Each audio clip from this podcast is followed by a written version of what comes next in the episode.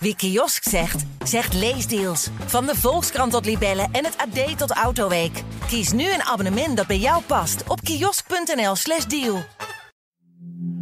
Dit is Elke Dag, een podcast van de Volkskrant. Mijn naam is Pieter Klok, hoofdredacteur van deze krant. Voor de Israëliërs is het nog steeds heel moeilijk om empathie te hebben met de Palestijnen in Gaza die bij tienduizenden omkomen en massaal worden gebombardeerd. Hoe is dat voor een Israëlische die getrouwd is met een Gazaan, een Palestijn die daar woont? Sascha Kester bezocht haar en we gaan ook met haar bespreken waarom de Israëlische premier Benjamin Netanyahu snel steun verliest. Sascha, eh, soms zie je in tijden van oorlog dat, dat iedereen juist heel erg achter en om de leider gaat staan. En dat de kritiek uh, al snel verstomt. Nou, dat was in het begin misschien nog wel sprake van na 7 oktober. Ja, inderdaad. Uh, maar, maar hoe is dat nu? ja, die kritiek die zwelt gewoon weer aan vanuit het buitenland. Vanwege de vele doden die in Gaza vallen. Maar ook in Israël zelf. Voor die aanval van Hamas op 7 hmm. oktober werd er natuurlijk al heel veel gedemonstreerd tegen Netanyahu. Hij was bij een groot deel van de bevolking uh, zeer impopulair. Maar goed, bij een ander deel van de bevolking uh, werd, werd, zijn beleid juist toegejuicht. Israël was enorm gespleten. Het, uh, mensen maakten zich enorme zorgen over de juridische hervormingen. ja. Daar hebben we het nu natuurlijk al maanden niet meer over gehad. Maar er waren elke week demonstraties, soms honderdduizenden mensen die demonstreerden tegen die juridische hervormingen die Netanyahu wilde doorvoeren. Nou ja, toen kwam die aanval. En dat protest verstonden directe protestleiders lieten ook weten: het is oorlog, dit is niet het moment. We gaan nu allemaal achter elkaar staan. Mhm. Ik sprak vlak voor uh, de aanval op 7 oktober, ben ik nog. Er was binnen die protestbeweging waren ook heel veel reservisten. Dus mensen die oproepbaar moeten zijn voor het leger. Die hadden gezegd: dat doen wij niet meer. Piloten die niet meer gingen trainen. Daar werd er in Israël heel veel zorgen over gemaakt. Want wat als er een oorlog komt en we hebben die reservisten niet en zij wilden niet vechten voor een land waarvan zij vonden dat die de democratie of de rechtsstaat heel snel aan het afschaffen was. Precies, zij zeiden ik heb mijn handtekening gezet onder het verdedigen van een democratie en niet het verdedigen van een dictatuur. Oké, maar goed, dus het, het, protest verstomde. Uh, reservisten die aanvankelijk niet in het leger wilden, gingen alsnog het leger in. En hoe is het sindsdien verder gegaan in die discussie over Netanyahu? Nou ja, in eerste instantie dus dat moment, wij zijn in oorlog en dan zijn we een echte wij. Mhm. Je hoorde al heel snel toch wel protesten vanuit de families van de mensen die gegijzeld waren. Er zijn natuurlijk toen door Hamas een heleboel Israëliërs meegenomen naar Gaza. En die families wilden absoluut niet dat er een grondoorlog zou beginnen. Uh, ook de bombardementen die vrijwel direct op Gaza begonnen. Zo, niet nu. Eerst moeten, moeten mijn kinderen, mijn opa en oma, uh, mijn vader, moeder, neefjes, nichtjes veilig terug zijn. Uh, dit is niet het moment om, om hen in een nog groter gevaar te brengen. En je ziet dat deze groep, ja, het, het, dat zwelt weer enorm aan begin deze maand zijn er ook drie gijzelaars door het uh, Israëlische leger. Uh, uh, die zijn omgekomen door, door mm. zeg maar eigen vuur van Israëlische soldaten. En hoe meer informatie daar ook over naar buiten kwam, het bleek dat die mensen zelfs met een witte vlag hadden staan zwaaien. Mm. En dat die Israëlische militairen hen toen toch hebben gedood. Vanuit deze hoek zie je nu dus weer heel veel kritiek op zowel de oorlog, of in ieder geval op het moment van de oorlog. Uh, het is niet zozeer een, oh jee, we vinden het vreselijk dat al die arme Palestijnen worden vermoord, maar wel een dit, wij moeten eerst onze eigen mensen terughalen. En je ziet dat dat ook weer heel erg omslaat in kritiek op, op Netanyahu zelf. Dat hij degene is die daar volgens hen de verkeerde beslissingen in maakt. En dat hij weg moet. Je ziet ook Israëlische kranten weer in hun uh, commentaren schrijven dat Netanyahu toch het probleem is. Ja, en, en uh, dan uh, wordt hem dan ook nog verweten dat het überhaupt zover is gekomen, dat die aanslagen überhaupt plaats hebben kunnen vinden? Of is het puur wat hij nu doet in Gaza? Nee, inderdaad. Uh, dat, dat, de, want die aanslagen, nou ja, dat was natuurlijk door de omvang een enorme schok. Uh, ook omdat Netanyahu, dat was Mr. Security. Dat is mm. eigenlijk het ticket waarop hij heel vaak de verkiezingen heeft weten te winnen. Hij hield het land veilig. Hij was degene die, uh, die zijn volk veilig wist te houden voor die hele gevaarlijke mensen waardoor Israël is omgeven. En nu bleek die veiligheid uh, maar een illusie te zijn. Dat is hem enorm kwalijk genomen en werd hem verweten. Dat komt ook omdat jij dit land hebt verdeeld met de juridische hervormingen die je zo graag wilt. Onze vijanden zagen dat gebeuren. Die zien dat wij opstaan tegen onze eigen leiders en hebben in hun handen gewreven en gedacht: dit is een fantastisch moment. Doordat ja. Netanyahu ons heeft verdeeld, zagen zij een kans om ons aan te vallen. Een ander punt waar heel veel kritiek op was. Hij heeft een uiterst rechtse regering. Twee partijen waarmee hij in de coalitie zit. Dat zijn kolonistenpartijen. Kolonisten, dat zijn die mensen die nederzettingen hebben gebouwd op de westelijke Jordaanoever, illegale nederzettingen. En dat weekend uh, dat die aanval plaatsvond, we weten nog, dat was, dat was een feestweekend, hè? Een, Mhm. een religieus feest.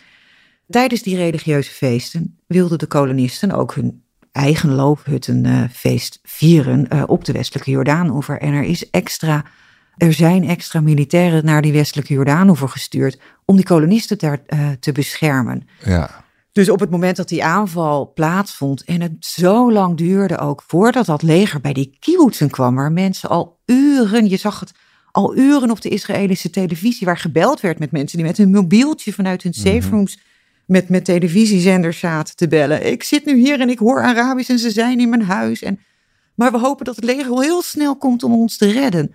Dat duurde uren voordat het leger Ja. daar was. Nou ja, de kritiek is, dat komt omdat jij jouw kolonistische vriendje, of jouw vriendjes, de kolonisten, wilde beschermen Mhm. op de westelijke Jordaanoever. Ja, en dat was de enige optie hè, om nog een, eh, een meerderheidscoalitie te vormen. Die, die zaken doen met dit soort rabiate partijen. Ja, jaren geleden eh, wilde Netanyahu ook met deze mensen niets te maken hebben. Maar hij heeft hen zelf salonveeg eh, gemaakt eigenlijk. eh, omdat hij wist, er is geen enkele andere partij meer Ja, die nog met mij wil samenwerken. Hij heeft in het verleden bij zoveel andere mensen de mooiste dingen beloofd om hen vervolgens een dolk in de rug te steken. En deze mensen wilden nog wel heel graag ook aan de macht komen. ja, En Netanyahu zelf wilde de macht zeker niet verliezen. Ook dat speelt nu, want Netanyahu wordt in eigen land vervolgd voor corruptie. Er, is een, eh, er loopt een proces tegen hem. En die Israëlische wet zit zo in elkaar. Je mag gewoon premier zijn op het moment dat je nog niet schuldig bent bevonden. Ook dat proces is eh, na 7 oktober tijdelijk gestaakt. Niet alleen dat tegen Netanyahu. Het land eh, heeft, heeft langere t- gewoon alleen heel urgente zaken werden nog behandeld. Eh, en een paar weken geleden is dat weer gaan draaien. Dus Netanyahu, degene die, zijn, die de oorlog leidt, mhm. dat is ook iemand eh, tegen wie op dit moment weer een proces wordt gevoerd. En nu dus- hoeft hij niet elke dag in de rechtbank aanwezig te zijn. Maar luidt de kritiek, dat leidt natuurlijk wel af. ja. En dan ligt hij internationaal ook steeds meer onder vuur. Hè? Dat, dat toch, eh, nou ja, Joe Biden die is, heeft daar de, centrale rol in. Die heeft natuurlijk in het begin besloten om heel erg naast Netanyahu te gaan staan. Eigenlijk wat Mark Rutte ook deed. Van we voelen je pijn. En, Ja. we, en eh, we gunnen je het recht op zelfverdediging. En we proberen zoveel mogelijk te helpen. En altijd in de hoop Ongeacht wat. Ja. En in de hoop dat, dat je hem dan op, op den duur tot een soort redelijkheid kunt bewegen. Dus maar eerst het leed erkennen. Biden is natuurlijk zijn positie snel aan het veranderen en die wordt wat strenger. Eh, en nou, er wordt al vanaf begin af aan toch ook wel gesproken over eh, ja, lange termijn oplossingen in de vorm van een twee-staten oplossing. Hoe, hoe verhoudt Netanyahu zich daartoe? Of hoe problematisch is hij? Eh, Is, is Joe Biden ook iemand die op een gegeven moment denkt van ah, die Netanyahu die moet daar misschien nog maar weg, want we kunnen beter met iemand anders zaken doen? Nou ja, dat zal, dat zal Biden natuurlijk zelf nooit op die manier zeggen. Maar ja, je ziet het in de hele wereld natuurlijk dat de kritiek eh, zelfs van bondgenoten eh, groter en groter wordt naarmate er meer en meer slachtoffers vallen. En er inderdaad ook geen duidelijkheid komt over wat Israël nu in vredesnaam van plan is om te gaan doen met Gaza. Biden die heeft daar eh, deze maand ook openlijk over gesproken van joh, luister, dus ik waarschuw jullie, ik waarschuw jou, mijn vriend Benjamin Netanyahu, de steun van de internationale gemeenschap brokkelt af. Mhm. hij, hij noemde Netanyahu nog wel letterlijk mijn goede vriend. Maar hij adviseerde hem, en dat is natuurlijk voor een buitenland staatshoofd uh, best iets om te zeggen. Van ja, maar jouw regering, uh, daar zou je wel eens een paar mensen uh, van weg kunnen schuiven. Hij noemde ook namen. Hij noemde de naam bijvoorbeeld van Ben Kevier. Dat is de ja. hele omstreden minister van Binnenlandse Veiligheid van een van die kolonistenpartijen. Het verhaal van Biden daarbij was er moet perspectief komen voor de Palestijnen. Maar ja, met zulke mensen in jouw regering gaat dat natuurlijk niet lukken. Nee. Uh, die gaan niet met de Palestijnen willen praten over een echte oplossing, een langere termijn. En hopelijk, waar de Verenigde Staten op blijven aansturen, een twee-staten-oplossing. Ja. Maar zie je bij Netanyahu al tekenen dat hij die, dat rabiaat rechts uh, los wil laten? En nee, totaal niet. En het is helemaal niet alleen dat rabiaat rechts. Dat heeft Netanyahu ook direct duidelijk gemaakt. Hij heeft uh, smalend gezegd: uh, wij gaan helemaal de fouten van Oslo niet herhalen. Een verwijzing naar dat vredesproces uit de jaren negentig, waarbij overeen is gekomen dat er een twee-staten-oplossing zou gaan komen. Nou ja, daar is vervolgens niks van terecht gekomen. En nu schildert hij dat dus ook af als een enorme fout. En uh, Gaza, dat gaat geen Hamassistan worden of een Fatah-stan. Fatah is dan uh, de, de, of, uh, de partij die nu de, de westelijke Jordaan-oever bestuurt. Mm -hmm. Dus hij maakte direct duidelijk dat ook hij helemaal niet geïnteresseerd is in een twee staten Maar waar is hij wel in geïnteresseerd dan? Hij wil zijn, zijn imago van Mr. Security terug of zo, door er heel hard in te blijven vliegen? Of... Hij is nu uh, aan het bouwen uh, aan een imago van uh, Mr. Nooit Palestina. Oké. Okay. Je ziet in de peilingen dat, dat zijn populariteit enorm achteruit is gegaan. En niet alleen bij de mensen die zo tegen hebben staan demonstreren. Maar ook bij rechts. de kiezers lopen ook weg. Hij heeft nu bij de laatste verkiezingen hij zit met 32 zetels, uh, mm-hmm. zit hij in de Knesset, het Israëlische parlement. Dat bestaat uit 120 zetels. Hij is de grootste partij. En volgens de peilingen uh, blijven er van die 32, uh, als het nu verkiezingen zouden worden gehouden, maar 18 over. Terwijl Gans uit de oppositie, ja. dat is een oud legerchef. En die is ook aangeschoven in dat oorlogskabinet, wat nu in Israël is. die zou er 37 halen. Dus dat zijn er meer dan Bibi. Uh, en wat weten, we van, nu. wat weten we van die kans? Is dat een goed alternatief? Of die, die is al eerder een soort premier geweest, maar kort. Hij is de leider uh, ja, van, van een partij die, die uh, werd gezien als, nou ja, misschien kan hij de partij van, van Netanyahu inderdaad verstaan. Ze hebben samen geregeerd. Dat is hem door zijn eigen achterban in de tijd enorm kwalijk genomen. Mm -hmm. zijn hele uh, verkiezingspraatje was: stem op mij, want anders krijgen we Netanyahu weer. En dat willen we niet meer. Ja, vervolgens gaat hij zelf samen met Netanyahu in de richting. Dus vanaf dat moment is zijn partij een stuk uh, kleiner geworden. Maar goed, Ja. op, nu zie je dat heel veel mensen dus toch wel vertrouwen hebben. eh, Ja. Meer vertrouwen Maar in Benny Gantz dan in Netanyahu. Maar er zijn op korte termijn geen verkiezingen te verwachten. Er zijn op korte termijn geen eh, verkiezingen. te wa- Nee, eh, zijn, eh, deze regering is vorig jaar pas geïnstalleerd. Dus eh, als de- deze coalitie het met elkaar volhoudt en niet valt. Ja, dus met een beetje pech moeten we nog wel even door met eh, deze man. Nou ja, goed. Ondertussen worden de tegenstellingen tussen, tussen Israëliërs en Palestijnen volgens mij nog met de dag groter. Er zijn nog geen tekenen van toenadering. Nou, nou, om dat te- te beschrijven ben jij op bezoek gegaan bij Sari Bashi. Dat is een Israëlische die met een, iemand uit Gaza is getrouwd. Ja. Je, je bent er op bezoek gegaan in Ramallah op de westelijke Jordaan-oever. Uh, hoe, hoe, ziet zo'n leven eruit als je eigenlijk met, ja, met twee benen in totaal andere werelden staat? Ja, dat is natuurlijk. Ik, ik, ik had eerder eh, contact al met haar gehad. Zij is de directeur of de programmadirecteur van, eh, van Human Rights Watch in, eh, in Ramallah. Zij woont daar zelf ook in de omgeving. En toen had ik al iets van, jee, dat hè, Israëlische Joodse vrouwen getrouwd met eh, Palestijnse mannen uit Gaza, dat, eh, daar struikel je niet bepaald over in de regio.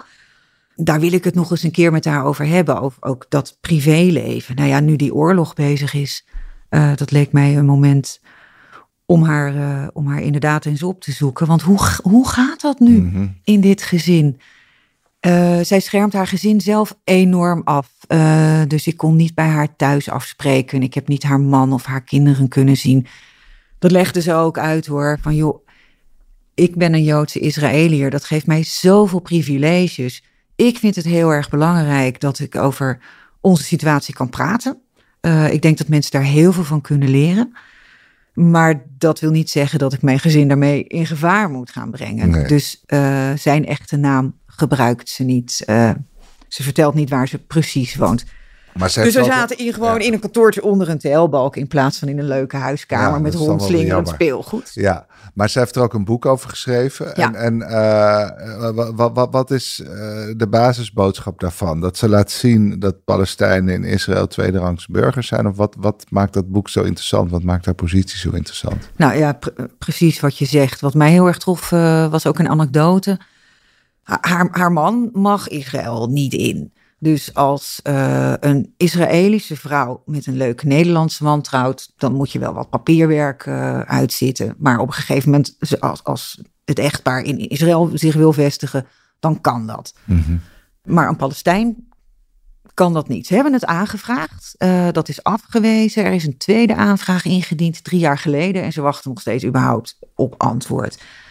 Tot die tijd mag haar man dus niet mee op familiebezoek naar de familie in, eh, in Israël. Als ze een dagje naar zee gaan, kan haar man niet mee. Als hij ziek is, kan hij niet naar dat goede Israëlische ziekenhuis. Toen hun dochter werd geboren, was hij er niet bij, want zij is bevallen in een ziekenhuis eh, in Tel Aviv. En ja, Zelfs daar, daar mocht hij je niet geen, naartoe. daar krijg je geen Zelfs dispensatie. daar kreeg hij geen En dit is toestemming een voor. gewone Palestijn uit Gaza. Dit is een gewone Palestijn, een meneer die in Londen eh, is gepromoveerd. Ehm, Met geen mogelijkheid mag je eh, voet op Israëlische bodem zetten. En dat is dus al vele jaren zo. dat, ja, dit, dit is al vele jaren zo. Zij hebben elkaar leren kennen in 2006. Zij is zelf een eh, NGO begonnen die Palestijnen helpt om hun bewegingsvrijheid te vergroten. En hij was een van de Palestijnen die zij heeft geholpen bij het papierwerk om, om naar Londen te kunnen, eh, waar hij kon promoveren. Een aantal jaar later zijn ze elkaar weer tegengekomen en toen is het liefdesverhaal begonnen. Maar goed, die anekdote die me zo getroffen had en die ik bijna vergeet. Zij zat dus met die twee kinderen in de auto. Eh, haar oudste was op dat moment vijf jaar oud, een meisje. Ze komen een checkpoint eh, tegen, wat er normaal gesproken niet is. En die soldaat zegt, jongens, iedereen terug. Je mag niet doorrijden, klaar. En dat meisje van vijf op de achterbank eh, van... Mama, waarom mogen we niet doorrijden? En ze is het echt wel gewend, hè, checkpoints. Eh, en ze weet ook dat papa altijd moet omdraaien bij, eh, bij die checkpoints. En dat is dus ook precies wat ze, wat ze zei. Ze, Maar wij mogen toch wel door, mama, want wij zijn Joden. Een kind van vijf had al door... Joden mogen sommige dingen wel en Palestijnen mogen sommige dingen niet. Nee. En zo simpel is het. Maar nu wonen ze dus in, in bezet gebied. Eh, En Ja. daar is ook een duidelijk eh, verschil tussen. Plekken waar eh, Joden wonen en plekken waar Palestijnen wonen. Zij wonen dan in Palestijns gebied. Neem ik aan, Nou ja, maar ze praten Hebreeuws. wonen ei- de enige Israëliërs die in bezet gebied wonen, dat zijn de kolonisten die daar hun eigen illegale nederzettingen Ja. op een heuveltop Maar ze wonen niet naast elkaar natuurlijk, Palestijnen en kolonisten. Dus maar hoe, want zij spreekt Hebreeuws, neem ik aan. Hoe, Ja. hoe gaat dat? Ja, dat, dat levert soms eh, kwetsbare situaties op. Eh, dan eh, staat ze in de supermarkt en dan roept haar dochter heel hard in het Hebreeuws: Mama, mama, ik wil een lolly of ik wil een ijsje. En dan krimpt ze toch een beetje ineen. En je ziet dat mensen daar ook op reageren. Wat is dit in vredesnaam Hebreeuws in mijn lokale supermarktje? Ze stelt zichzelf ook altijd voor als, als eh, een verre neef of nicht. Zo van, om te benadrukken, we zijn uiteindelijk allemaal van dezelfde familie. En ze merkt dan in zo'n supermarkt, ja, er wordt daar alleen Hebreeuws tegen deze mensen gesproken bij een checkpoint als ze worden uitgescholden of teruggestuurd. Ja, dus die taal heeft een bepaalde lading. heeft een En hele die, grote die leidt meteen lading. tot schrikreacties. Maar goed, eh, de, die familie van haar man zit daar zit nog in Gaza, neem ik Ja. aan. Want die- kunnen daar ook Ja, niet zijn uit. vader is al overleden. Dat heeft niets met de oorlog te maken. Die is al een aantal jaar geleden overleden. Maar haar moeder en nog heel veel ooms en tantes en neefjes en nichtjes. En die wonen in Gaza. En zij proberen daar elke dag contact mee te hebben. Wat niet altijd lukt. De communicatie ligt soms volledig plat. Ja, dan staat je hart stil. Ja. Want misschien is het de communicatie. Maar misschien is er iets gebeurd. Het huis van, eh, van oma, dat is hoogwaarschijnlijk bestaat dat niet meer. Zij is nu, ze woont nu bij een neef in. Ja, maar goed, zij is ook Joods. En uh, nou, er zijn ook uh, de, de, veel, veel, verhalen inmiddels over verschenen. Dat, dat heel veel Joden op dit moment hebben. Nou, we zijn in de eerste plaats Joods. Dus hè, tribalisme, dat heeft Jessica Deurlacher nog wel beschreven mm-hmm. op die manier. Hoe, hoe werkt dat bij haar? Voelt zij zich ook in de eerste plaats Joods? En is ze ook heel erg bezig met die aanslagen van Hamas? Of, of lukt het haar wel om dat erg te vinden en tegelijkertijd mededogen en empathie te hebben met de Palestijnen in Gaza, wat de meeste Israëli's niet lukt tot nu toe. Ja, absoluut. Dat, uh, ja, het klinkt heel cheesy. Uh, dat zei ze er zelf ook verontschuldigend bij toen ik dezelfde vraag stelde. We zijn allemaal mensen. Uh, en er, is politiek, er is geschiedenis, er is een heleboel gebeurd. En ze begrijpt uh, van iedereen ook heel goed dat perspectief. Ze is opgegroeid met een bepaald perspectief. En ze, als zij vrienden of familie spreekt die, die volledig kapot zijn van die aanval, die uitermate beangstigend was, dan snapt ze die angst heel erg goed. En als ze met de familie in Gaza spreekt, dan snapt ze die angst heel erg goed. Ze snapt de boosheid uh, helemaal. Ja, ze maar sta, dus staat heel erg op het punt van, ja, dat moet geen reden zijn om nu niet met elkaar verder te gaan. Uh, Dat mag geen reden zijn om geweld te blijven gebruiken. Nou, helemaal niet om misdaden te plegen, zoals op dit moment gebeurt. Ja, dus ze kan wel een beetje boven die woede uitstijgen en, en zien dat er uiteindelijk gepraat moet worden. Absoluut. Ja, maar goed, uh, uit alles wat je zegt blijkt dat het wel heel moeizaam is om, om zo'n huwelijk te hebben. En, en om verliefd te worden op, op iemand in Gaza. Hoe, hoe kijkt ze daar zelf tegenaan? Het is heel hard werken. Ja, nee, het is inderdaad even, ja, mijn gedachte was ook, uh, je maakt het jezelf uh, niet makkelijk als je mhm. dat vergelijkt met de levens van je vrienden in Tel Aviv. Uh, hoe, sta, hoe sta je daar dan tegenover als je ziet waar jullie mee te, mee te maken hebben? En ze begon alleen maar te stralen. Zegt van ja, ieder huwelijk heeft heeft zo zijn problemen. Dat, uh, dat, dat weet iedereen die, uh, die getrouwd is. Maar wij zijn nog verliefd. We hebben twee fantastische kinderen. Uh, dus onze problemen zijn eigenlijk alleen maar problemen van de buitenkant. Ik denk helemaal niet dat we een moeilijke keuze hebben gemaakt. Ik denk juist dat wij heel veel geluk hebben. Oké, als je maar heel erg verliefd bent en dat ook heel lang blijft. Dankjewel, Sascha.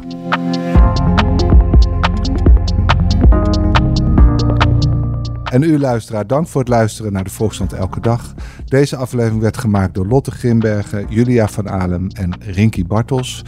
Wilt u de Volkskrant steunen? Dat kan, vooral door een abonnement te nemen. En dat kan u voordelig via volkskrant.nl slash podcastactie. Want deze podcast is gratis, maar onze journalistiek is dat niet. Morgen zijn we weer. Tot dan. Wie kiosk zegt, zegt leesdeals. Van de Volkskrant tot Libellen en het AD tot Autoweek. Kies nu een abonnement dat bij jou past op kiosk.nl/slash deal.